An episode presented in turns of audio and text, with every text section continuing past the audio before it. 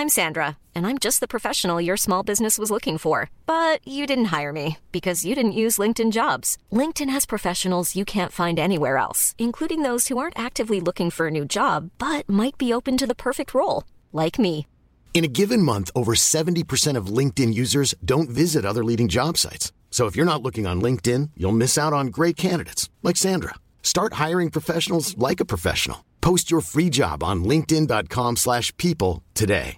Cool fact a crocodile can't stick out its tongue. Also, you can get health insurance for a month or just under a year in some states. United Healthcare short term insurance plans, underwritten by Golden Rule Insurance Company, offer flexible, budget friendly coverage for you. Learn more at uh1.com. Hey, I'm Ryan Reynolds. Recently, I asked Mint Mobile's legal team if big wireless companies are allowed to raise prices due to inflation. They said yes. And then when I asked if raising prices technically violates those onerous two year contracts, they said, What the f are you talking about, you insane Hollywood ass?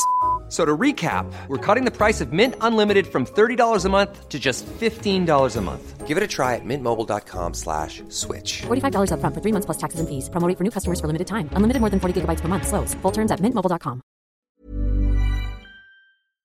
Vi är denna vecka sponsrade av Indie Beauty. Och Sofie, det här tycker jag är extra fint och extra roligt. Ja men Indie Beauty är ju ett skönhetsvarumärke som jag tror att väldigt många känner till, men det jag älskar mest det är att Indie Beauty liksom vill vara mer än bara produkter, vilket de ju också är. Exakt. Indie Beauty står ju för Independent Beauty, skönhet på dina villkor och för din egen skull. Och Indie Beauty tror ju stenhårt på ett alternativt skönhetsideal fritt från måsten, skam och känslor av otillräcklighet. Där är jag helt med Indie Beauty. Jag med. Det är så jag vill att skönhet ska vara. Ja men verkligen. Och vet du vad som är nytt för i år Sofie? Berätta. Från och med i år så skänker Indie Beauty 1% av sin försäljning till Suicide Zero, Tjejzonen och Djurens Rätt. Så när man handlar produkter från Indie Beauty så kan man liksom känna att man också ger tillbaka till samhället. Ja, kraften i tillsammans. Ska jag säga en sak nu då, Mm. som jag, det, men det är detta jag är extra glad över. Nu har Indie Beauty tagit fram en keps och den tycker jag ändå så på sommaren, skyddar sig från solen, Jättebra, jag älskar kepsen. men det bästa, de bidrar till Suicide Zeros viktiga arbete för att minska antalet självmord och självmordsförsök. Så för varje såld keps så går hela vinsten, 100 kronor, direkt till Suicide Zero. Då kan man liksom göra nytta både för samhället och sin hud på en och samma gång. Ja, och kepsen kostar 169 men alltså hela vinsten går då som sagt till Suicide Zero. Så om man vill göra skillnad när man är där ute i solen, nu när den börjar titta fram, då ska man välja den här kepsen. Den säljs exklusivt på indiebeauty.se och på Apotea. Tillsammans kan vi skapa en ljusare framtid. Vi ses med kepsarna på! Tack Indie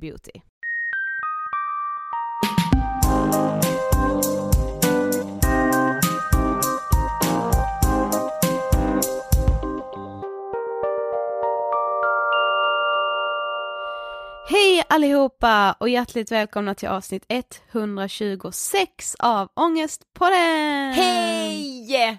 Kul att vara här! Kul att vara tillbaka Återigen. i era öron, 126 veckan. som vi är i era öron. Yay! Alltså nu är det bara så här Sofie, att nu går jag igenom en kris. Mhm. Och nej men usch det låter så överdrivet när jag säger det. Kanske inte en kris men... Vi säger kris men ta det med en nypa salt. Exakt. Eh, du, nu går jag igenom en kris med en nypa salt. Ja. Så ska man börja säga ju. För ibland kan man ju säga jag får panik med en nypa salt.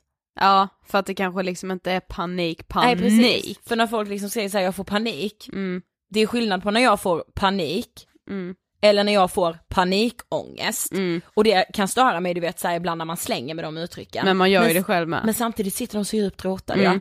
Det är det vi ska börja säga. Nu får jag panik med en nypa salt. Mm, I alla fall, nu går jag igenom en kris med en nypa salt. ja, Nu, har- nu, nu har jag insett vad jag är för person. okej. Jag lägger så mycket känslomässigt, alltså så mycket känslor i saker och ting jag gör. Mm. Vi har varit inne på detta innan, jag vet. Mhm. Eh, och alltså nu, det låter som jag menar kärlekskänslor, absolut inte. Så här, känslor som människa, känslor som den jag är. Ja men vet du vad du gör? Nej. Du, du binder gärna väldigt starka band. Jaha. Ja men det är så, jag menar alltså du lägger mycket, mycket känslor i saker och ting och Mm. nej det behöver verkligen inte vara kärlekskänslor eller ens känslor som är att man tycker om någon. Nej nej nej, verkligen inte, det är inte det jag menar nu. Nej, men det blir de här, liksom att man vill bygga starka band till saker. Ja fast det är väl inte fel? Nej, det säger jag inte, jag säger bara att du är en sån person. Och jag säger bara att man blir besviken, för det är väldigt många som inte vill det. Ja, Eller så här, det är väldigt många som inte tar, alltså så här, en nypa salt är helt fel uttryck. Så här, då. Mm. Gud vad det här blev luddigt känner jag. Jag vet inte om ni förstår. Summa av kardemumman så är jag lite känslomässigt utmattad just nu. ja, det förstår jag. Ja, Men jag, det är med all rätt. Ja, lite så känner jag. Om Ja. jag, jag får sitta här nästan vara lite bitter på sommaren va? Ja, man blir ju inte glad bara för att det är sommar. Nej, gud nej. Nej. Det ska vi verkligen komma ihåg. Ja. Midsommarveckan! Midsommarafton! Ni som har lyssnat ett tag vet att vi brukar dra mycket paralleller till eh, Eva och Adam. Jag är som besatt av, den film, av de det. filmerna. Ja, jag måste, jag kan liksom inte heller ha ett midsommarfirande utan att säga någon gång under dagen midsommarafton! Jag vet. Du vet du och Jossan kommer få en snap av mig på fredag morgon. Ja, snälla! Jag lovar, Det vill jag verkligen ha. jag lovar. Ja, men eh, den här krisen med en nypa salt, som jag nu då eh, bearbetar, eller vad det är, det är bara mer så här att jag känner liksom, vem lägger jag tid på, vad ger jag av mig själv, hur liksom så här, jag är en väldigt snäll person. Oj oj oj! här verkligen har många strängar på min lyra. Snäll. Nej men så här, jag, kanske, jag tror att jag är en snäll person i alla fall. Och eh, det är så himla tråkigt att känna att man måste sluta vara det. Ja. Ja. Men förstår du, vad är det för kallt liksom? Nej känna. men det, du behöver inte sluta vara, vara en snäll person, men du måste ju sluta vara snäll om det tär på dig att inte få den responsen du kanske förväntar dig tillbaka när du är så snäll. Jaha, du Fattar tänker den. Ja, jag och fattar. uppenbarligen så blir du ju besviken, annars hade du inte suttit här måndag morgon och känt dig känslomässigt utpumpad. Ja, helt känslomässigt utpumpad är jag. Mm. Oj oj oj, känns som jag varit uppe i boxningsringen efter en rond. Ja. Så känner jag. Okej, men det vill jag faktiskt inte lägga så mycket mer tid på nu, utan jag tycker att vi ska snacka om den perfekta sommarsponsorn, nämligen Nextory. Ja, alltså jag, eh, jag låg faktiskt ute häromdagen och lyssnade på ljudbok när jag så här låg och solade. Det är så härligt att göra det för att när man ligger där helt själv Ja. så känner man sig samtidigt inte så ensam. Jag tycker alltid med de som läser in ljudböckerna, Ja, de är så jävla ljuvliga att lyssna på. vilka röster! Ja, Där ligger man i lä. ja, det Skulle gör man tyvärr. Nej, kanske inte, vi kanske kommer att vi ska läsa in en ljudbok soon. Ja, Men eh, jag har liksom, det här känns typ som att jag ska ge en present till dig och våra lyssnare. okej, men jag får ge en present först då. Okej då. För vi har ju nämligen en rabattkod till er som gör att ni kan lyssna helt gratis på Nextory i en hel månad. Och för att kunna lyssna gratis i en månad så går ni in på nextory.se kampanj, skriver i Ångestpodden som kampanjkod och sen är det bara att börja lyssna. Ni får ju ladda ner Nextory till er eh, mobil också. Alltså jag tänker att man vet att det är Nextory, alltså N-E-X-T-O-R-Y. .se. Exakt. Men men, okej, det var en otrolig present. Mm. Här kommer nästa. I eh, början på det här året så gjorde vi ju en mycket uppskattad serie om prostitution. Mm. Och där gästades vi bland annat av Simon Häggström från Stockholmspolisen. Yes. Och liksom navet i hela den här serien, det var boken I skuggans lag, en spanares kamp mot prostitution. Som Simon har skrivit. Precis, och vi vet ju att så många av er har läst den efteråt. Jag tror vi får mail om det varje vecka och det är skitroligt för vi älskar den boken. För att den är livsviktig. Mm. Sofie, Simon har släppt en bok till. Tjo! För nu i maj släppte Simon sin andra bok som heter Nattstad, en spanares kamp mot prostitution.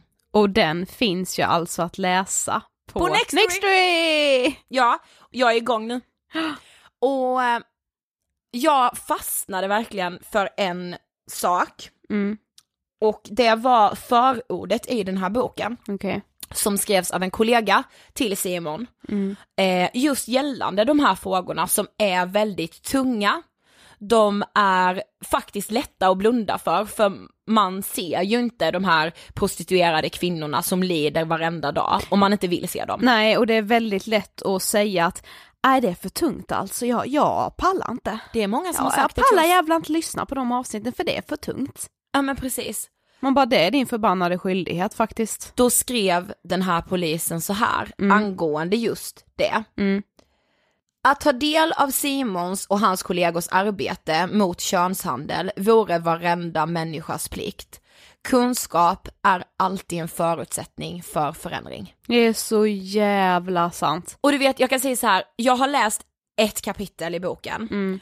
och ja men alltså de, med de orden med mig så är det så här, ja, det är vår skyldighet att ta del av det här, för det händer i den världen som vi lever i. Det är jättetråkigt, det är jättehemskt. Men är man så privilegierad som man har mat på bordet, tak över huvudet och kan gå till ett vanligt arbete, då måste man se vad som händer liksom. Jag tycker verkligen det. Och eh, Simon skriver verkligen på ett otroligt sätt. Mm.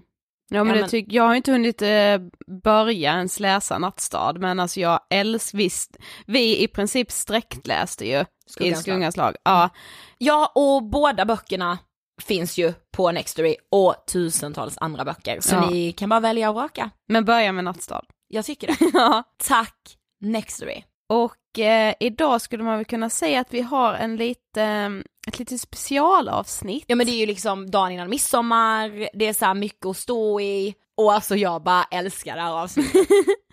Eh, för ett tag sedan så var vi och livepoddade på en, det hette så här PS17, det var en eh, kongress för Sveriges alla psykologstudenter. Nej men alltså vi måste stanna upp där, förstår ni? Alla Sveriges psykologstudenter. Alltså- Alltså, klart var inte alla där, men alltså de som ville kolla på vår livepodd, det var fullt. Ja men så här, psykologins framtid satt framför oss Ida. Men vet du vad jag kände? Nej. Jag har aldrig känt mig så mycket herre på täppan. Nej, Och jag har aldrig känt alltså sånt stöd från de här studenterna. Mm. De bara så här, ni gör er grej för att bryta tabun kring psykisk ohälsa, så sitter vi i terapisofforna och tar emot patienterna för att hjälpa dem bli fria från vad de än Ja. mår dåligt av. men ingenting så här bara ni gör det och vi gör det här utan vi gör ju det här tillsammans. Gud vad jag kände det. Ja. Vi gör det tillsammans. Och vi, vi kände ju tydligen att vi ville leverera något till de här psykologstudenterna som, ja, jag vet inte vad. Ja, För presentationen gick, gick inte att visa. nej. Och vi, ja men ingenting gick som det skulle. Vi fick ju ta allt på volley.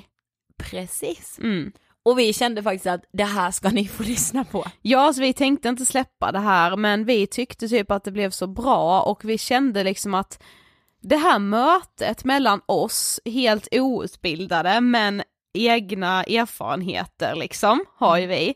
Det här mötet mellan oss och de här blivande psykologerna, det är liksom viktigt att visa det tycker jag, för det säger så mycket. Det säger mycket om framtiden. Ja, verkligen. det så, finns hopp. verkligen. så vi kände att vi släpper livepodden. Vi gör det. Och vi gör det nu. Är vi redo? Ja. Då rullar vi igång livepodden från Linköping den 5 maj. Varsågoda!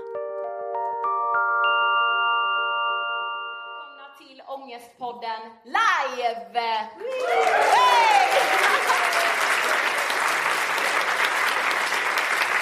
Det känns så himla kul att vara här verkligen. Ja, och man får ju lite så här komplex av att vara här. Lite faktiskt. Nej, men Jo, vi, men det är sant. om att vi alltid får lite komplex när vi närmar oss universitetsområden. Vi är så jävla lost då. Ja. Ja, det är så här, mm, hej hej, och alla bara, ja, pluggar ni eller så, vad ska ni göra? Nej, vi ska föreläsa. Alla bara, jaha, vadå? Alltså jag tänker, vad fan kommer de ifrån ska föreläsa? Ja, om psykisk ohälsa. Bara, jaha, ni är psykologer då eller? Nej. Nej. Bara, nähä. Nej, vi har haft jävligt mycket ångest. Alla bara, ja, blir lite, alltid lite stelt så här. Men, eh, men sen så brukar det ju lätta. Ja. Eh, och sen är vi igång. Ja. Eh, idag så har vi tänkt eh, att vi vill ha med er så mycket vi bara kan i den här livepodden. Eh, och det är därför det står ett nummer här. Det är ingen kontaktannons alltså. Eh, men, Jag det, folk men, här, men det är mitt nummer. Så. eh, men eh, om, Och ni, hon är singel. om ni kommer på frågor eller någonting som ni bara vill ta upp under den här, de här 45 minuterna så smsa mig så tar vi liksom upp det. Och då får man ju chansen att här, ställa en fråga anonymt om man vill det och vill ni liksom räcka upp handen eller bara skrika rakt ut så är det också fine. Det är Mm. helt okej. Eh, så vi tänker bara att det är bara att ka- kasta ut frågor till oss När så liksom- svarar vi på dem. Ja. Eller försöker. Vi tänker liksom att vi vill liksom ha en diskussion här med er. Vi känner liksom Mm. att okej, vi har startat en podd som blev eh, sjukt stor och den handlar om ångest, absolut. Men ni sitter ju också på så mycket kunskap. Ja, ni är ju proffsen. Ja, så ni får lära oss idag, tänker vi. Ja, man bara så. Nej. Men vi tänkte faktiskt att vi ska börja prata om äh, Ångestpodden. För det är ju lite som min och Sofies bebis. Eh, så hur många här inne har lyssnat på Ångestpodden innan? Yay. Oj jäklar, det var ändå många. Ja. Jag var så jag trodde att vi skulle vara en som bara... Jag Då hade jag bara yes. Go! Nej, men eh, vad spännande. Sen tänkte vi också att vi ville fråga hur många har lyssnat på Ångestpodden och tänkt så här, de vet fan inte vad de snackar om. Vad skönt. Ingen. Vilken tur, vilken lättnad. Vi ville faktiskt prata lite om eh, varför vi startade Ångestpodden, varför vi tycker det är så himla viktigt att våga prata om eh, psykisk ohälsa. Eh, och varför vi tror att just vår podd har 300 000 lyssnare i månaden. Ehm, ska vi liksom börja med en presentation av oss? Ja, jag tänker det ändå. Mm. För de som inte har lyssnat på Ångestpodden och inte har en aning om vilka vi är, man kanske är lite nyfiken. Ja, ehm, ska jag sätta igång? Mm. Ja, men jag heter Ida Höckestrand eh, och är eh, 23 år och född och uppvuxen i Karlshamn i Blekinge. Ni bara, "Jaha, jag trodde du var stockholmare på den dialekten. Nej, jag skojar. Vi brukar alltid få så här med, ni är skåningar, det är så himla härligt med skåningar. Man bara, äh, hinner knappt säga nej, vi är inte från Skåne. Eller så de bara, eller är det Småland? Man bara, nej, nej, nej, det är Blekinge, det här jättelilla landskapet mittemellan, där kommer vi ifrån. Eh, men som sagt så bor jag i Stockholm idag tillsammans med Sofie. Eh, och ja, men så här, när man ska presentera sig själv, det hatar jag att göra, för det är så himla svårt. Alltså, alla hatar väl det. Vad beskriver jag? Jag är en glad jävel. Då ska vi ändå komma ihåg att varenda gång vi har en gäst i Ångestpodden så säger vi så här: Vem är du? Ja, och vi- så vi är liksom så jäkla taskiga vi Och vi säger lite så här, och vem är då du Oskar? Egentligen. Ja. Så för att vi verkligen vill så här, komma på djupet direkt. Eh, ja men vi brukar göra så när vi föreläser att jag beskriver tre av mina så starkaste egenskaper som verkligen är jag och så gör Sofie också det. Och mina tre starkaste egenskaper den första är nog ändå så här att jag är en glad jävel. För det tänker alla om mig. Ni vet så här, ja men när jag startade Ångestpodden så var det nog jävligt många som tänkte så här, vadå, hon? Så har hon ångest? För ni vet så är det ju med alla fördomar. Bara, men hon är alltid glad, hon kan väl inte ha ångest? Om man har ångest är man bara hemma och gör ingenting. Eh, men jag är väldigt glad samtidigt som jag har mycket ångest. Eh, min andra egenskap, vad brukar vi säga att det är? Eh, du brukar säga att du är väldigt ambitiös. Jag, jag vågade typ inte säga det här. Jag bara. Jag tänkte, ska jag hitta på något annat? Vad skulle du säga att jag är ärliga. ja, nej men jag, det brukar jag säga att jag är faktiskt. Eh, och sen min sista egenskap, det är så här, det här jobbar jag med hela tiden. Det är att jag har ett sånt jäkla kontrollbehov. Alltså hade jag kunnat vara i Stockholm nu och hålla på med någonting, då hade jag liksom varit där också kan jag säga. Eh, och anledningen till att vi startade Ångestpodden, det började med att jag fick panikångest. Och eh, det fick jag när jag gick tredje året på gymnasiet. För helt plötsligt så, från att ha varit, ja men ni vet en sån här tjej som bara, ah, allt ska vara, här på MVG och jag måste vara bäst på allt, jag ska vara snyggast, är det någon fest då ska jag vara där och helst ska jag fixa alla studentfester och jag, jag skulle vara överallt. Eh, och allt var tvunget att vara perfekt. Eh, jag hatade ordet, det var därför jag sa det så här, perfekt. Eh, så plötsligt en kväll så ligger jag hemma i sängen och bara är så här, jag kommer dö. Eh, jag hade ingen aning om vid det här laget vad panikångest var för någonting. Eller så här panikattacker, hade aldrig hört. Eh, så jag ligger i min säng och så här, hjärtat bultar, eh, mina händer åker upp till hakan som att jag är helt förlamad, jag kan liksom inte röra mig och jag bara, jag kommer dö. Ropar på mamma och pappa och eh, vi sätter oss i bilen in till akuten. I min hjärna var det så här, bara, jag har en blodpropp, det måste vara det. Så det är kört nu. Eh, jag hann liksom tänka så här bara, okej okay, 17 år. Det är helt sjukt att jag bara skulle bli 17 år. Tänkte jag när jag åkte in där. Och jag var ju helt övertygad. Som så många är första gången som man drabbas av en panikattack. Eh, och just den gången så hände det inte så mycket. Jag fick inte reda på vad det var som hade hänt. De tyckte det var lite konstigt, så jag du borde nog sluta med dina p-piller. Men jag, jag smsade ju dig där i panik på natten också. Ja, alltså. Vi har varit bästisar i tio år, det måste vi säga, men så folk bara Du hade ju börjat smsa mig ganska mycket om nätterna mm. under den här perioden. Eh, för sen sista året på gymnasiet så var det som att jag liksom började se egenskaper hos Ida som jag inte hade sett innan. Eh, och vi har väl båda alltid typ tyckt att vi är ganska ambitiösa, om man nu får säga det själv. Och... Sitta och skryta Ja, ja skrytpodden. eh, och, eh, och jag brukar också säga att jag är ganska så humoristisk och vi liksom typ Till och med det? Ja, det med. Nej men så här skämta, speciellt när saker och ting är jobbigt. Alltså det är mycket enklare att bara skämta bort allt som är jobbigt. Eh, och sen så brukar jag också säga att jag är ganska lugn eh, så här, i situationen när någonting blir sjukt jobbigt, typ som nu här med tekniken, så är det så här, jag kan inte göra något jag såg, Jag stod där, men jag bara, jag hade den. Och jag ja. såg det på dig, jag bara, det, det det lugnt. Jag kommer ihåg en gång också när vi hade så här, låst in våra väskor på T-centralen när vi hade varit där en gång. Och sen gick inte ja, skåpet upp. Vi, ja, vi var ganska små var vi då. Ja, vi, vi var, här, vi var i Stockholm på semester. Mm. Och sen så när vi skulle ta med, åka med vårt tåg och skulle öppna upp det här skåpet med våra resväskor så går inte skåpet upp och vi får panik. Men jag var ändå lugn, mm. även i den situationen. Ja, verkligen sidospår, men anyway. Mm. Eh, jag minns också, det är kul att jag också minns. Ja, men helt plötsligt så i trean så var det som att Ida liksom så hon började smsa mig mitt i natten, typ så halv tre, en vanlig onsdagsnatt och bara har du pluggat klart till spanska provet? Och jag bara, äh, jag ligger och sover. eh, då hade jag liksom lagt spanska böckerna från mig för länge sedan. Eh, och även ifall vi hade jättekul i skolan och sådär, eh, och ofta väldigt kul på helgerna också, så var det liksom som att Ida ändå på något sätt var någon annanstans. Alltså det var som att hon gick runt och tänkte på saker hela tiden men som aldrig riktigt kom ut. Och då har ändå alltid varit en person som, alltså jag pratar om dig Ja, det är skitskönt. ja, en person som aldrig haft väldigt lätt för att prata, men helt plötsligt så gjorde hon inte det. Eh, ja men det var ibland svårt att nå henne liksom. Eh, och sen plötsligt en natt då så fick jag ett sms från Ida där det stod att hon trodde att hon höll på att dö. Eh, och så skrev hon typ så här, bara jag känner inte min högra sida av kroppen, jag kan inte ens lyfta på min arm. Eh, och det var ju den här natten då mm. ni åkte in till akuten. Eh, och i vanlig ordning försökte jag ju liksom så lugna ner Ida, bara nej men det är säkert ingen fara. Men så fort vi hade pratat i telefon då så började ju min google-sökning där direkt ifrån sängen liksom. Jag bara, eh, eh förlamad i ena sidan av kroppen, alltså allting så här. Eh, och då kommer man in på familjeliv och då har man ju cancer. Ja, eller så är man gravid. Ja, man, man är liksom gravid eller så har man cancer. Hjärnhinneinflammation var vi inne på också.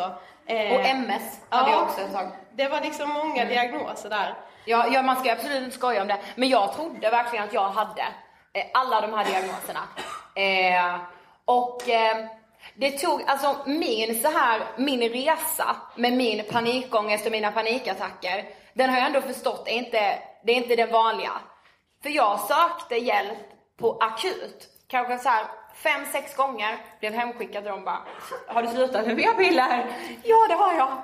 Nej, vi vet inte vad det är. Det var liksom ingen som frågade mig någon gång om, om mitt psykiska mående, utan det var bara så här, men, och såklart, det är väl jättebra att man testar allt fysiskt man kan.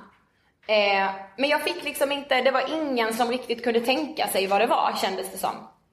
Ja, och ett av mina så starkaste minnen ifrån den här perioden när Ida åkte in och ut på sjukhuset typ hela tiden.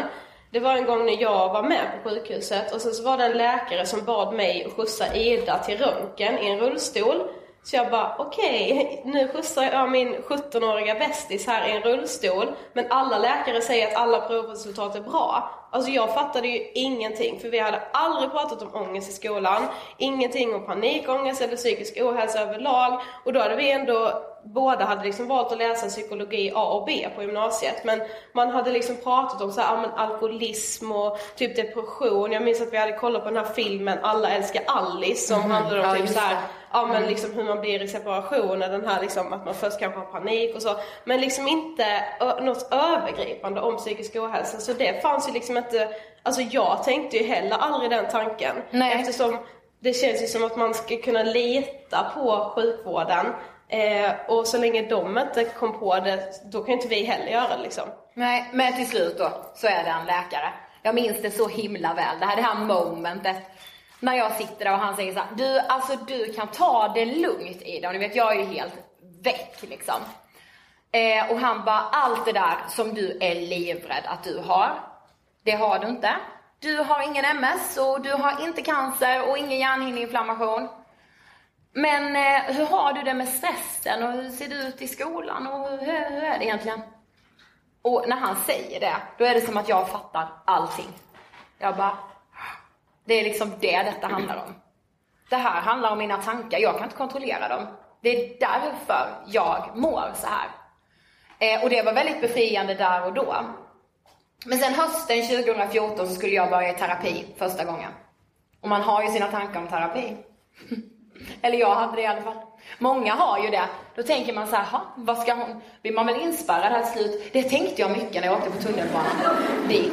Tänkte jag så här, får vi se om jag åker tillbaka. Eller om de säger så här, jaha, nej, nu blir det, är det dags jag för dig. Jag står på balkongen och bara, hej då Ida! På med någon vit salongsak. Ja. Så får vi se om, om du får komma och hälsa på. Alltså, ni vet så. Jag hade nästan de tankarna. Och det är ju jättemånga som har det fortfarande. Alltså när, när man säger så här, ja men jag, ja, jag är inne på min andra vända i terapi nu. Folk bara, fan säger hon? Vad är det för sjuk jävel? Men eh, jag insåg ju ganska fort så när jag kommer in på den här kliniken där jag ska ta, ta och träffa psykologen första gången så här. Jag bara, ser jag de andra i väntrummet bara, ja det är ingen som har flippat här inne ännu i alla fall. Men han sitter ändå lite såhär på spänn. Så det kom min psykolog. Coolaste tjejen jag har sett. Jag bara, Alltså ni vet hon var så hon var så snygg, hon var så ja men hon skämtade. Och då, jag bara, jag vill ju gå dit varje dag efter Ja, för hon började låsa upp nycklar inom mig och helt plötsligt satt vi och pratade och jag var såhär, jag kan ju prata om allt med henne. Och eh, visst, det var ju jävligt tufft ändå att gå igenom KBT. Helt plötsligt ska man ju utsätta sig för alla de där sakerna som ger en panikångest. Och när man har hållit sig ifrån dem ett tag så blir det ju ganska jobbigt. Så det var tufft. Men jag brukar alltid säga det när jag är ute och föreläser, jag bara, det är så skönt, för jag vet ju att ni som sitter här inne, någon av er har ju varit med om exakt samma sak, eller så har ju någon varit nära anhörig. För så vanligt är det ju faktiskt. Ja, och sen när vi var 15 år så drabbades vår bästa kompis av bulimi och det var liksom vår första gemensamma kontakt med psykisk ohälsa. Mm. Eh, ja, den här bulimihistorien, den är helt sinnessjuk när man berättar den. Ja, för vi var liksom ett gäng på fyra tjejer. Eh, så statistiskt sett så var det liksom bara en tidsfråga innan någon skulle må dåligt psykiskt på ett eller annat sätt. Men när hon, när vi förstod att hon hade fått en ätstörning, då rasade vår värld samman. För vi trodde liksom att vi var så här, ett gäng på fyra tjejer som var utvalda liksom i Sverige att få gå igenom den här skiten liksom. Ja. Vi eh. hade, men vi brukar säga det så här, i vår högstadieskola så hade man pratat, vi hade hört talas om anorexia i alla fall. Men inget mer. Det är bara bulimi. Så vad är det? När hon första gången berättar för, för oss att hon medvetet kräks upp sin mat. Det för mig gick liksom inte ihop. Jag bara, va? va? Jaha? Och så hon bara, nej men jag, ja det, det är så det är. Och jag fattar ingenting. Och vi bara börjar gråta och vi sa, kommer hon dö nu eller vad, vad är detta? Ja, det, vi, vi fick ju så extremt mycket frågor, men inga svar alls egentligen. För det fanns ingenstans dit vi kunde vända oss och där vi liksom kunde relatera och vi kunde liksom inte lyssna på några som pratade vårt språk. Det kändes liksom inte som att någon förstod oss. Men då gör vi i alla fall denna. Jag, Sofie och sen vår bästa kompis som heter Vickan. Vi tre var liksom närmast anhöriga till Frida då som hade fått bulimi. Så vi tre, vi går till Karlshamns stadsbibliotek och tänker så här, jaha, får väl vi eh, låna varenda bok då som eh, handlar om bulimi? Så sagt och gjort. Det gör vi. Vi kom ut, alltså ni vet det var ju så här, de fick ju typ ta en sån här vagn och köra oss ut från biblioteket. Vi hade ju så mycket böcker med oss. Eh, och det är ju typ sådana böcker som ni läser här nu, liksom. När man pluggar. De satt vi i 15 år och försökte förstå någonting, fattade ju inte ett skit, var ju livrädd. Jag läste någon sån här självbiografi som var skriven av någon kvinna. Hon hade haft bulimi i typ så 15 år. Hon hade skrivit så här dagboksanteckningar. Och det var ju bara ett mörker. Hon skrev om hur hon ville dö, hon gjorde så här anteckningar om hur hon skulle kunna göra sig av med den lilla mat som hon hade fått i sig. Så vi var ju så här, vi var livrädda innan vi gick till biblioteket. Men när vi gick ut därifrån och hade läst de här böckerna, ja då var vi ju, alltså då var man ju så rädd. Det var ju så här, är, är liksom hennes liv, det handlar ju om dagar. Så kändes det. Mm. Ja men verkligen. Eh, men efter två år så eh, fick Frida rätt hjälp. Ja, då hade Eller hon vi ju... tog sig liksom ur bulimin. Men då hade vi ju googlat bulimi typ 10 000 gånger och läst de här böckerna fastän vi blev ännu mer rädda. För det var ju liksom det enda vi kunde göra. Och så gick vi till vår skolsköterska också Mm. och pratade med henne. Och det enda hon sa till oss var så här bara, var bara liksom, fortsätt bara vara er själva. Och vi bara, men det går ju inte och vi kan inte vara oss själva när vår bästa kompis inte är sig själv. Alltså det, det, helt plötsligt var det ju som en ny vänskap för att hon förändrades ju jättemycket personligt. Någonstans fanns ju Frida kvar som hon hette, men det var så mycket av henne som liksom var gömt i den här sjukdomen och det var ju så frustrerande för oss. Eh, men det mest frustrerande var att vi liksom inte hade någonstans dit vi kunde vända oss och bara så höra någon annan prata om bulimi på ett sätt som gjorde att vi förstod oss på den sjukdomen. Och det var väl egentligen så som Ja eller hur, vi skulle ha någon slags story, prata så här 25 minuter om vårt, om om vårt barndom. Ja. Nej, men med det här i ryggen, eh, så under just den här hösten när jag gick i KBT, så sitter jag på en tågresa och jag lyssnar på Filip Fredrik som jag alltid gör, jag lyssnar på, jag tror jag lyssnar på Alex och Sigge och jag lyssnar nog på Hanna och Amanda. Så här, de vanligaste poddarna då i alla fall. Eh, och så kom jag på så här, jag bara, alltså jag gillar verkligen det här formatet. Ja, tänker jag inte så mycket mer på det. Så visste jag så här, ja, nu är det terapi nästa vecka och så här, ja men det var tufft liksom. Och då eh, googlade jag så här psykisk ohälsa ungdomar. Och då får jag upp en, eh, någon så här studie, från, eller ja, någon sammanställning på någonting från Statistiska centralbyrån. Och så står det att var fjärde ung mår psykiskt dåligt. Jag bara, ja vänta nu så här tänkte jag. Lä- börja läsa lite i den här, så här bara, var fjärde ung. Det är hur många som helst. Och så tänker jag bara, ha min kompiskrets. Det betyder ju att någon mer där mår psykiskt dåligt. Eh, sitter man där på ett tåg och bara, ja någon här inne också liksom. When you're ready to pop the question, the last thing you want to do is second guess the ring. At Bluenile.com, you can design a one of a kind ring with the ease and convenience of shopping online. Choose your diamond and setting. When you find the one, you'll get it delivered right to your door. Go to Bluenile.com and use promo code LISTEN to get $50 off your purchase of $500 or more. That's code LISTEN at Bluenile.com for $50 off your purchase. Bluenile.com code LISTEN. Hey Dave. Yeah, Randy. Since we founded Bombus, we've always said our socks, underwear, and t shirts are super soft. Any new ideas? Maybe sublimely soft. Or disgustingly cozy? Wait, what? I got it. Bombus. Absurdly comfortable essentials for yourself And for those facing homelessness. because one purchased equals one donated. Wow, did we just write an ad?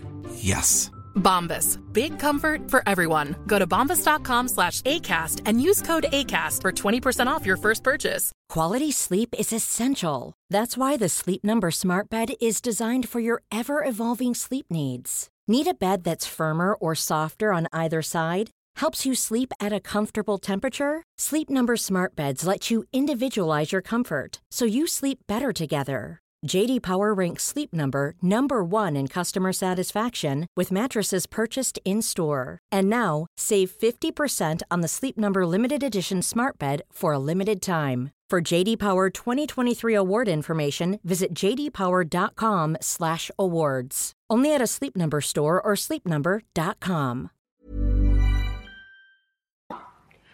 Tänker jag inte så mycket mer på det. Jag fortsätter väl lyssna på någon podd. Och sen får jag upp Ångestpodden. Och det är såhär, jag bara, vad fan ska det här bli av detta egentligen? Tänker jag. Men jag skickade i alla fall ett sms till Sofia. Jag kunde liksom inte vänta till jag kom hem och kunde säga det till dig. Så jag bara, Ångestpodden, fattar du? Är du på? Och jag fattar ju ändå direkt då, för under den här perioden så gick Ida i sin KBT och vi bor tillsammans i Stockholm och gjorde även under den här tiden. Så jag var ju liksom med från första stunden då när jag vinkade av Ida där på balkongen och bara hej då, vi ses nu, se vi ses får vi igen." se om du kommer. Ja. Tills dess att hon liksom hade gått i KBT ett tag och jag kommer ihåg att vi hade så högläsning från någon bok som sa så här blir du av med din panikångest. Eh, så jag fattade ju ändå direkt vad Ida menade och sen så blev det typ direkt att jag tänkte tillbaka på den här tiden när Frida då hade bulimi. Och jag bara, ja alltså det är ju vi som ska göra den där podden dit alla kan vända sig när de bara vill så här lyssna på någon som har varit med om samma sak eller någon som bara känner att de vill lära sig mer om ju faktiskt vår tids största folksjukdom. Eh, Men sen var vi lite såhär vi var ju lite rädda. Jag får vi göra detta? Vi är inte utbildade. Det var nästan som att man gjorde något olagligt. Först tänkte man bara, Ja, och lite så här, ja fine det står att var fjärde person, men tänk så är det bara vi i hela Ja, Sverige. tänk så är det. Som har varit med om detta. Då, då blir det pinsamt. man hade ju fortfarande den. Ja. Ja, och så tänkte man så här. Så började, men så, första avsnittet då, ni kan ju tänka det var ju manus. Det var ju ett A4. Det var Hej, fa- och- helt ärligt Ja. så var det den här lilla micken Ja. som låg så här på ett bord. Ja, och, och sen satt vi där, bara läste A4. Det var liksom nästan, det är du. Ja. Ja, det var liksom nästan så. Vi spel, jag tror vi gjorde det avsnittet tre gånger. Ja det gjorde vi. Bara, vi kör en gång till. Ja, bara läs och försök lite mer låta som att vi bara snackar. Ja. Eh, och sen publicerade vi det här och tänkte så här, det får bära eller brista. Så tänkte vi lite så här, vadå man behöver inte vara psykolog för att prata om detta. Vi har ju egentligen erfarenheter, det måste väl, någon kan väl känna igen sig förhoppningsvis. Och sen eh, kunde någon det. Så det gick så himla fort för oss. Eh, och någonstans på den här resan så, ja men först började vi känna så här också, när vår podd började växa.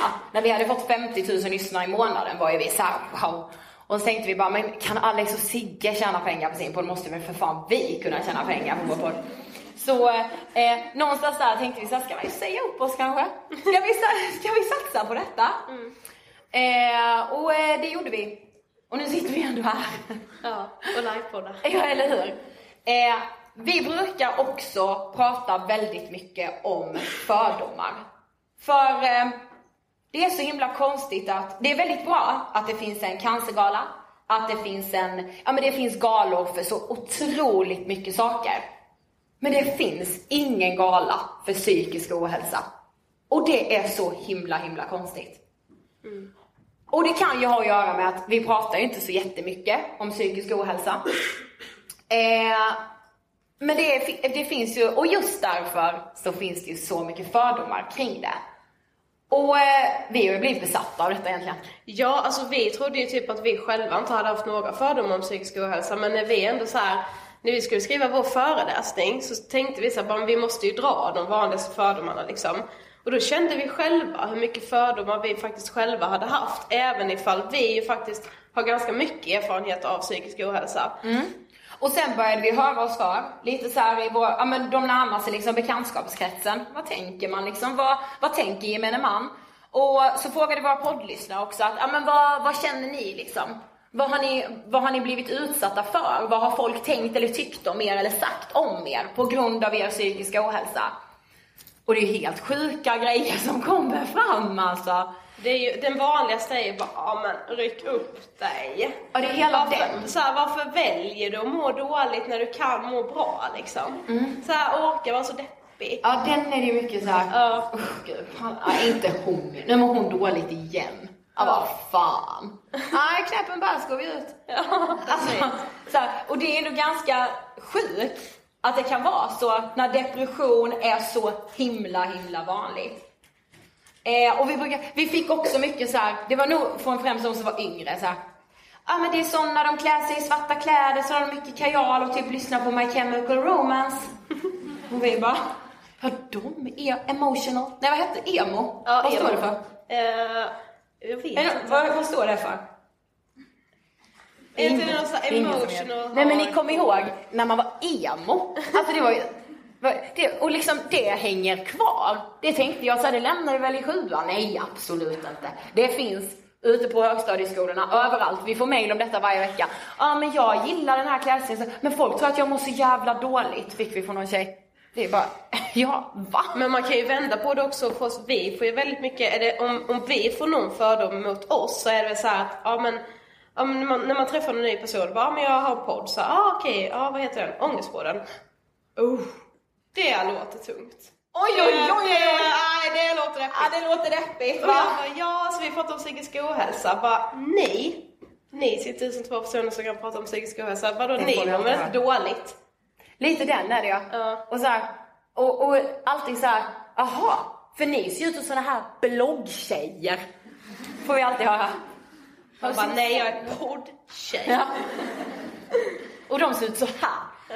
Eh, nej men och sen är det också väldigt intressant, eh, just det här med att ofta, det är ingen som, om någon bryter ett ben, då är det ingen som definierar den här personen som ett brutet ben. Så ja, där kommer brutna är jag Emma heter hon. Men om någon drabbas av psykisk ohälsa, då blir ju den plötsligt hela sin sjukdom, alltså den blir ju anorexian som kommer där, eller den blir ju depressionen. Och det är liksom inte bara en själv, för det kan man ju lätt själv känna. Jag kunde känna det hela tiden, så här, jag är bara den här vandrande jävla panikattacken som inte kan sitta på en middag utan att gripas av panik. Det kunde jag känna själv. Men när man liksom känner att andra också ser på de här eh, diagnoserna och sjukdomarna på det viset, det är ju helt sjukt alltså. Ja, men jag fattar inte. Jag har faktiskt fått lite frågor. Ja men jag tänkte det. Ska vi kasta... kasta, vi tar lite, Ja. ett break med frågor här. Hur har er syn på psykisk ohälsa ändrats sedan ni startade podden? Ja, jag har ju fattat att det är sjukt vanligt med tanke på Mm. vår, eh, hur många som lyssnar på podden. Eh, som sagt så trodde vi väl någonstans så här, vi satte liksom som mål att första avsnittet skulle lyssnas på typ 50 gånger. Du bara Mm. 100, jag bara nej 50 säger vi så blir vi lite besvikna. Höga mål sa jag. 100. Ja. Då. Eh, och vi sa väl typ i början sen då, ah, men om vi kan hjälpa en person så fortsätter vi med podden liksom. Men jag är ändå svårt att tänka mig att vi hade fortsatt göra 120 avsnitt om det hade varit två pers som lyssnade. Ja, Men vi hade ju inte sagt, vi säger upp oss. nej, Det är vi och de två. Nej, det, det hade vi nog inte gjort. Nej. Men det är främst hur vanligt det är och hur många som faktiskt vill prata och också hur många som liksom vill lära sig mer om psykisk ohälsa. Alltså det känns som att det är många som vill veta mer om det fast som kanske inte ännu har varit drabbade. Ja, alltså dels det. Men sen har jag ju också förstått ännu mer vilket ofantligt stigma, alltså hur stort stigmat är kring de här frågorna. Eh, hur bortprioriterat det är. Om man tittar på ja, men skolan, alltså grundskolan, om man tittar så här, idrottsföreningar, det pratas ingenting om det.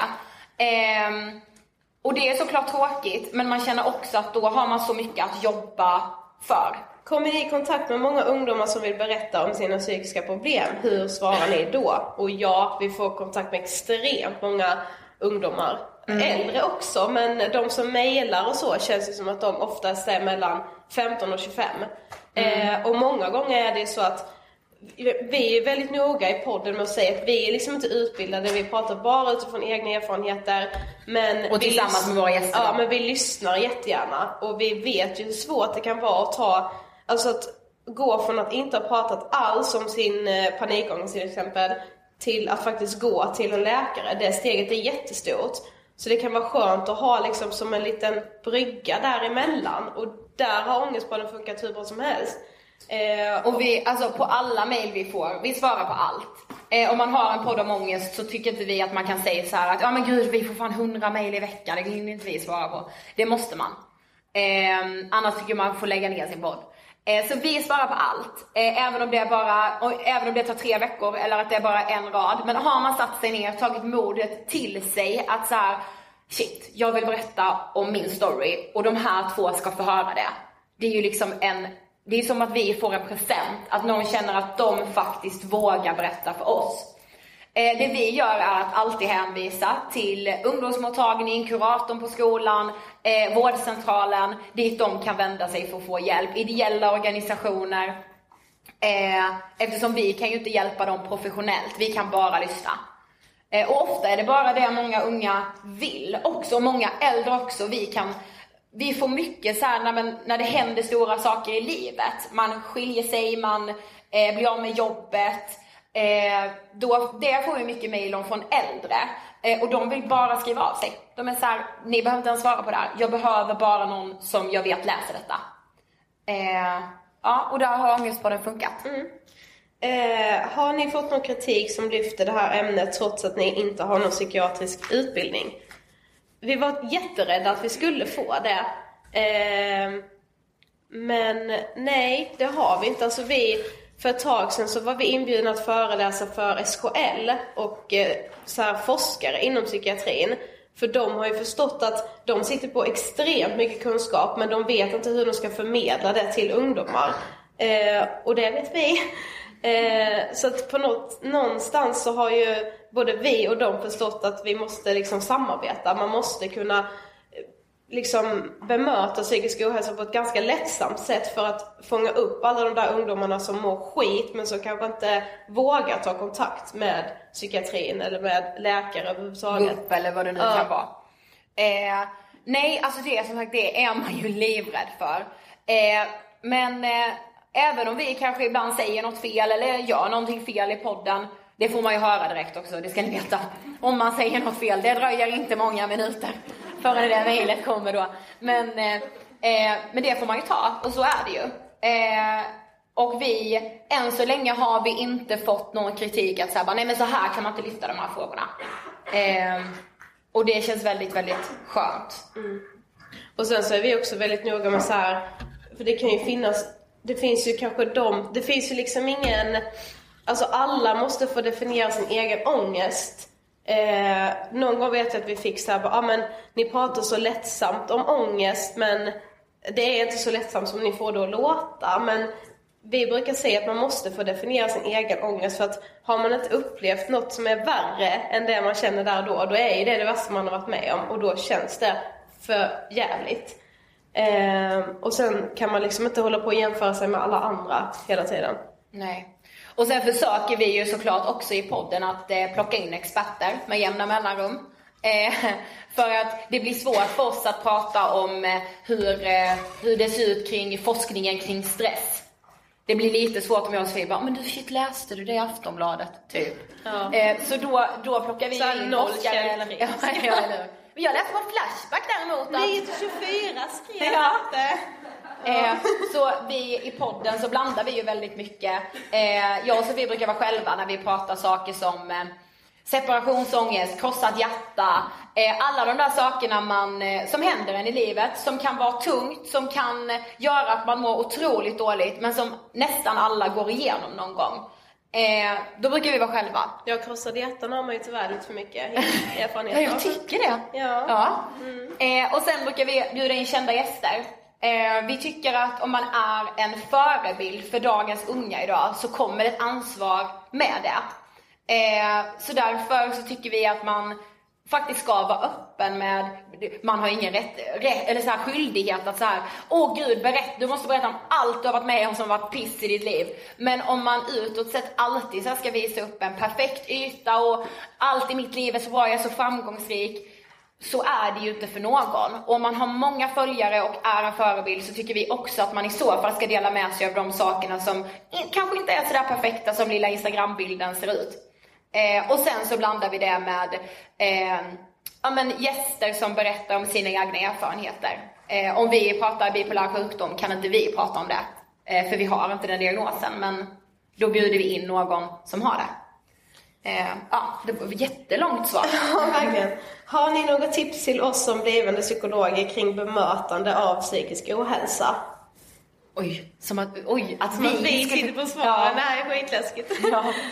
Men en ära att få frågan ens Ja, tycker jag. verkligen. Vi har ju märkt att det känns som att man behöver prata om psykisk ohälsa på ett ganska så lättsamt sätt, som vi har sagt nu flera gånger. Eh, och göra sig själv lättillgänglig. Alltså jag tror det är jätteviktigt att psykologer finns liksom på sociala medier så att man syns där ungdomar syns. Eh, så att det här steget från att ligga hemma och googla och komma in på familjeliv som har cancer eh, till att man faktiskt tar det där steget och faktiskt går till en psykolog. Det ska liksom inte vara så stort som det är idag. Man måste verkligen minska på det det steget. Mm, absolut. Och vi sa ju det också tidigt att vårt mål är liksom att det ska bli lika enkelt att säga till sina klasskompisar eller till sina kollegor på jobbet att man ska gå till en psykolog som det är att säga att man ska gå till tandläkaren. Och så, jag kollade på det här 30 liv i veckan som går på SVT nu. Eh, och då var det en av programledarna som sa det är så konstigt att när man är på en arbetsplats så har man så här, en gång i halvåret så har man typ hjärt och lungräddning och man går igenom vad man ska göra ifall brandlarmet går. Men man pratar aldrig om hur man bara ska hjälpa varandra att inte vilja ta sitt liv. Nu lät det jättemörkt men alltså det är ändå konstigt att man liksom inte pratar någonting om det i skolan och ingenting på arbetsplatserna. Man liksom, det känns som att man har mer så här om man ser att någon mår dåligt, då är det så här, ah, men låt henne vara, mm. eller låt honom vara. Men det, så har det varit sen man Ja, så här, hen vill vara för sig själv. Ja du mår inte så bra där, vi lämnar honom lite i fred nu. Ja, istället för att så här, gå fram och bara, ja men hur är läget? Vi, mm. vi brukar säga det också att det är väldigt viktigt att komma ihåg att man behöver liksom inte vara skiträdd för det där svaret. För att om man ser att någon mår dåligt så kanske man också förstår att svaret kommer bli att nej men det är inte så bra. Och man behöver liksom inte veta riktigt hur man ska besvara det där. Eller ja, det ska ju säga ni veta. Ja, ni ska, jag. Ni, men vi. Vi, ja, behöver, men vi, vi behöver inte veta någonting om det. Vi skickar oss, nej jag. Nej men att nej. man lär, alltså att man säger det till alla man träffar. Att man behöver inte vara så himla rädd för det där, ja men det är inte så bra svaret. Sen tänker jag också att så här, eh, Samtidigt som man aldrig, och det är vi så stolta över att vi har lyckats med, vi har aldrig tagit bort det seriösa kring psykisk ohälsa, det jätteallvarliga och det livsviktiga kring att så här, ja men en depression, det är jätteallvarligt att ha en depression. Eh, vi har lyckats behålla det samtidigt som vi tror att man måste avdramatisera allting kring psykisk ohälsa. Det är därför det finns ett sånt otroligt stigma idag. För vi tror ju att ja, men drabbas jag av någon form av psykisk ohälsa, då är det kört. Det blir psyket, in där, stanna där och sen så blir det liksom, får det aldrig mer komma ut. Den bilden måste tvättas bort. Eh, och det, det är liksom absolut inte bara så psykologernas ansvar, tänker jag. Nej, jag skojar. Det är ju allas ansvar att göra det. Eh, men, att, ja, men att just avdramatisera det. Att så här, Ja, det är allvarligt att drabbas av en depression, men du är inte ensam om att drabbas av det. Det är så ofantligt vanligt, det går att bli frisk, men det är såklart att man tar det på allvar. Förstår ni, det låter så dubbelsidigt, men det är så himla, himla viktigt. Eh, och den balansen försöker vi alltid ha i Ångestpodden. Skulle ni säga att er podd har ett behandlingssyfte, alltså ge tips och råd eller dela med er av verktyg som ni har fått från era egna behandlingar? Ja, det kan vi ju göra. Ja. Eh. Sen kan vi ju bara, du, eller jag, nu har inte jag själv gått i någon eh, så här KBT eller någonting.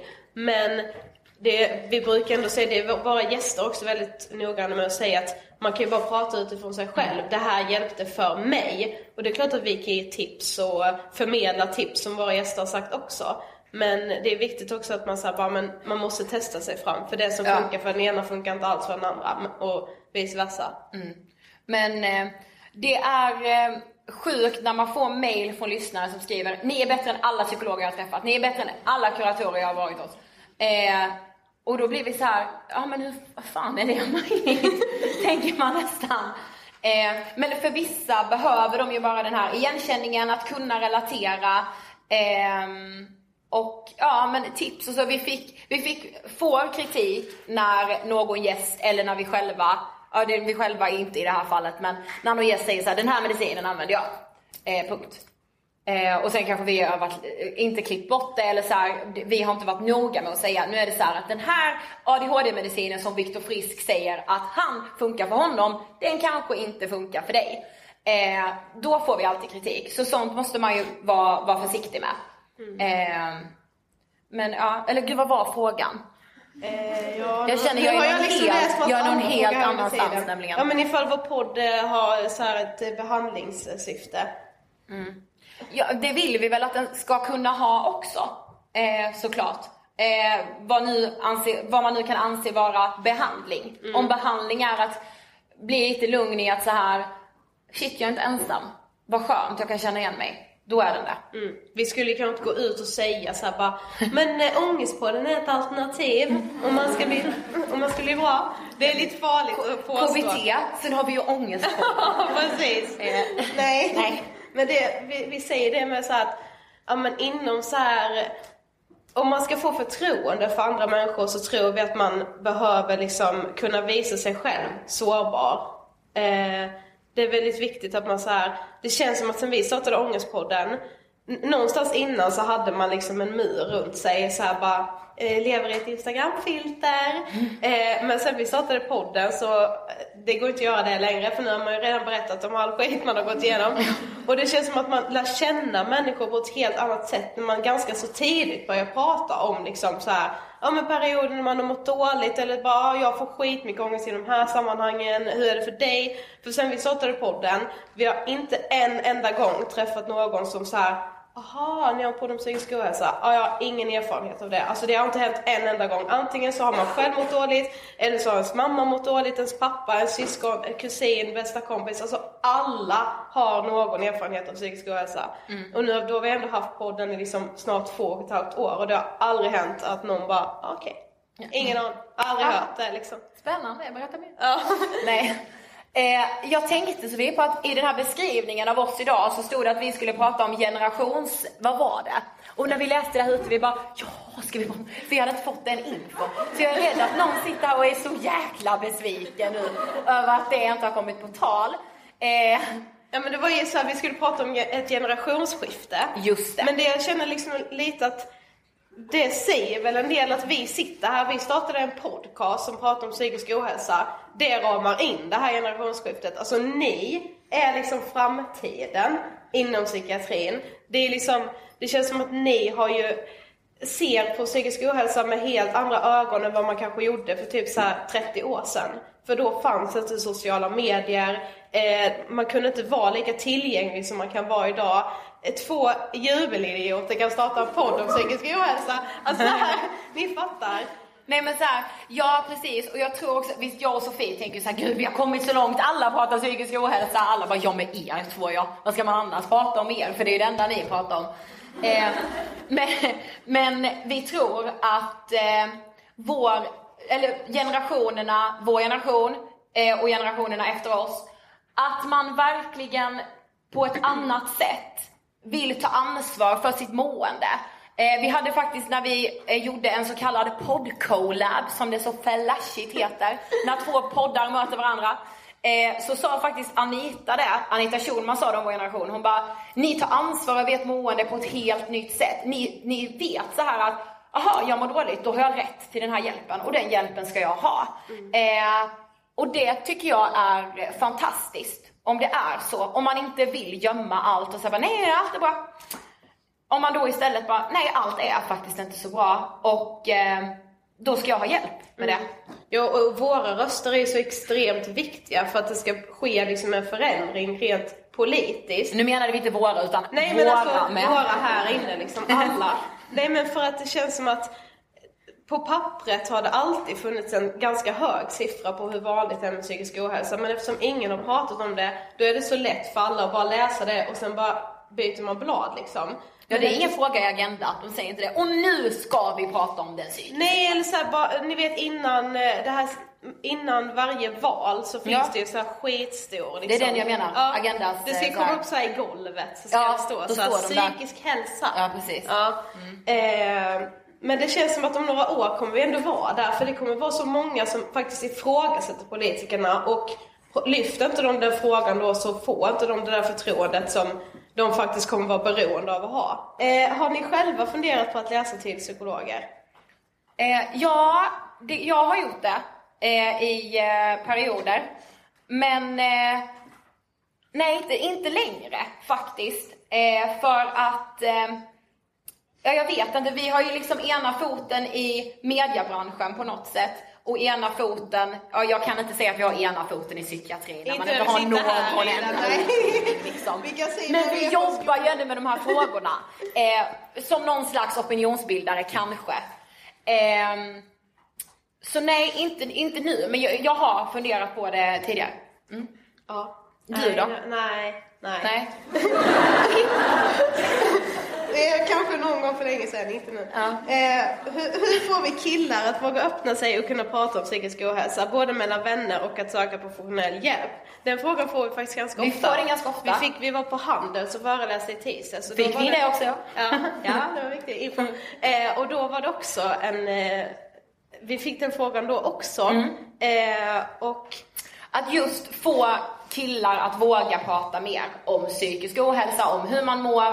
Eh, det där är svårt. Och eh, vi tänkte faktiskt på det redan när vi startade podden. Vi tänkte så här, för det första måste det finnas manliga förebilder som gör det. Ehm, och vi tänkte att vi måste få med oss dem i podden. Det måste vi verkligen. Ehm, och sen kanske, det är klart att det kanske inte räddar tusen liv. Men vi tror att det är viktigt att det finns manliga förebilder som vågar prata om de här frågorna. För det finns faktiskt ganska så många kvinnliga förebilder som gör det. Ehm, jag tänker också att nu har jag börjat se eh, senaste tiden att det startas föreningar som just bara handlar om att eh, killar ska våga prata om hur de mår, hur de känner, eh, våga liksom ifrågasätta hela machokulturen och varför det ser ut som det gör. För vi tycker den frågan är svår. Eh, när vi tittar på, vår, på våra lyssnare så har vi snitt 70% kvinnor och 30% män som lyssnar på oss. Ehm, Jag tänker att det är så här. Det, det är lite liksom farligt att bara hela tiden trycka på så här, åh psykisk ohälsa ökar så extremt mycket bland unga tjejer. Alltså jag förstår att det gör det. Vi, det finns så mycket liksom eh, möjligheter för oss att jämföra oss med alla andra som får oss att känna oss extremt misslyckade framförallt för det är så lätt att bara här, men "Åh, den möjligheten finns ju för killar också. Ja, den finns för killar också. Mm, Så det är det jag menar att det känns lite farligt att bara liksom lyfta det hela tiden, att det ökar bland tjejer. För jag tror det finns så många killar som också mår dåligt. Men när man hela tiden så här, det är så vanligt bland unga tjejer. Då tänker ju de där killarna som mår skit att ja, jag är ju den enda killen. Det blir ju liksom samma sak Mm. som när vi trodde att vi var det enda tjejgänget i hela Sverige, typ hela Europa, Ja. som gick igenom det här med att en av oss hade en ätstörning. Eh, så ja, men det går hand i hand med det du säger. Det krävs liksom fler förebilder, manliga förebilder, som vågar prata om det här. Så att fler killar vågar göra likadant. Ja, det var det. Det var det. Det var inga mer frågor nu. Nej men jag, jag ser ju att klockan också börjar... eh, Ja, vi gör det. Ni ska Ja. vidare på andra Ja, saker. förstår, vi förstår om ni ska det. Men eh, vi vill bara avslutningsvis säga att eh, ett stort tack för att eh, ni kom och lyssnade på oss. Lycka till med allt. Ja, tack så för att kul den här helgen. Ja, eller hur? Ha så kul. Ja, men i hela livet tänker jag. ja. Och våga prata om hur ni mår, såklart. Ja. ja. Tack så hemskt mycket.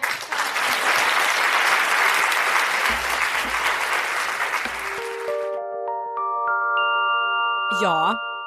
Hålla Jag- låda kan man ju. Nej men jag känner lite min röst är ju lite obehaglig nästan. Ja men alltså den är det. Jag kommer ihåg när vi livepoddade det första gången. Nej usch Sofie! Och sen skulle lyssna på det i efterhand, alltså det ja det är fruktansvärt. Det, jag bara, vem har flyttat in i kroppen i det Höckerstrand? Ja, någon Duracell-kanin. Ja, Alltså. det är ju, Det var det. Det var det hela. Men jag hoppas ni gillade den här. Ja, Jag känner så ska vi åka ut på någon livepods-turné? hmm, kanske. Tänk vad kul. Ja. Men ja, det vill ju till att ni kommer då. Om ni tycker det kan ni inte skriva det till oss då. Ja. Det hade varit skitroligt. Nu tycker jag att vi går in på veckans hiss. Mm. För jag har en hiss, eh, en liten krönika som jag tänkte läsa, Okej. som är skriven av Cassandra Klatskov, jag tror man säger så, i Bonn. Och den heter så här tjock? Frågetecken. Så här skriver hon. Jag står i kassan för att betala för mina varor i matbutiken och hör två kollegor prata. Jag äter bara en måltidsersättning till lunch idag, ska på två studentmottagningar sen, tänkte tjocka mig ikväll. Jag stod i ett omklädningsrum för några dagar sedan och hörde en tjej uppgivet säga till sin vän, Åh, jag känner mig så tjock, jag kan inte ha en sån här tight klänning. Vad betyder det att tjocka sig? Är man en tjock person bara för att man äter mycket och onyttig mat? Beter sig tjocka på ett visst sätt och hur känner man sig tjock? Jag visste inte att tjock är en känsla. Tjock är en beskrivning av en kroppstyp, inget annat. Jag är trött på att ständigt höra folk prata om min kroppsform som något negativt. För när normsmala personer pratar om att de känner sig tjocka så menar de ju egentligen någonting annat. Kanske menar de att de känner sig obekväma i sin egen kropp. Kanske är det självhat eller en känsla av att man inte duger som man är. När normsmala personer kallar sig tjocka så menar de egentligen att de känner sig fula, äckliga, värdelösa, kanske till och med ofräscha. För det är vad samhället har lärt oss att tjockhet är synonymt med. Och eftersom kroppstypen tjock är cirka det värsta som kan hända människor i dagens samhälle, förstår jag att det är svårt att greppa när jag beskriver mig själv som tjock utan att mena någonting negativt med det. För en tjockis som mig, som efter flera års arbete lärt mig att acceptera och till och med älska min stora kropp, är det otroligt viktigt att, att det beskrivande ordet tjock blir normaliserat. Och att alla dessa negativa associationer till ordet försvinner.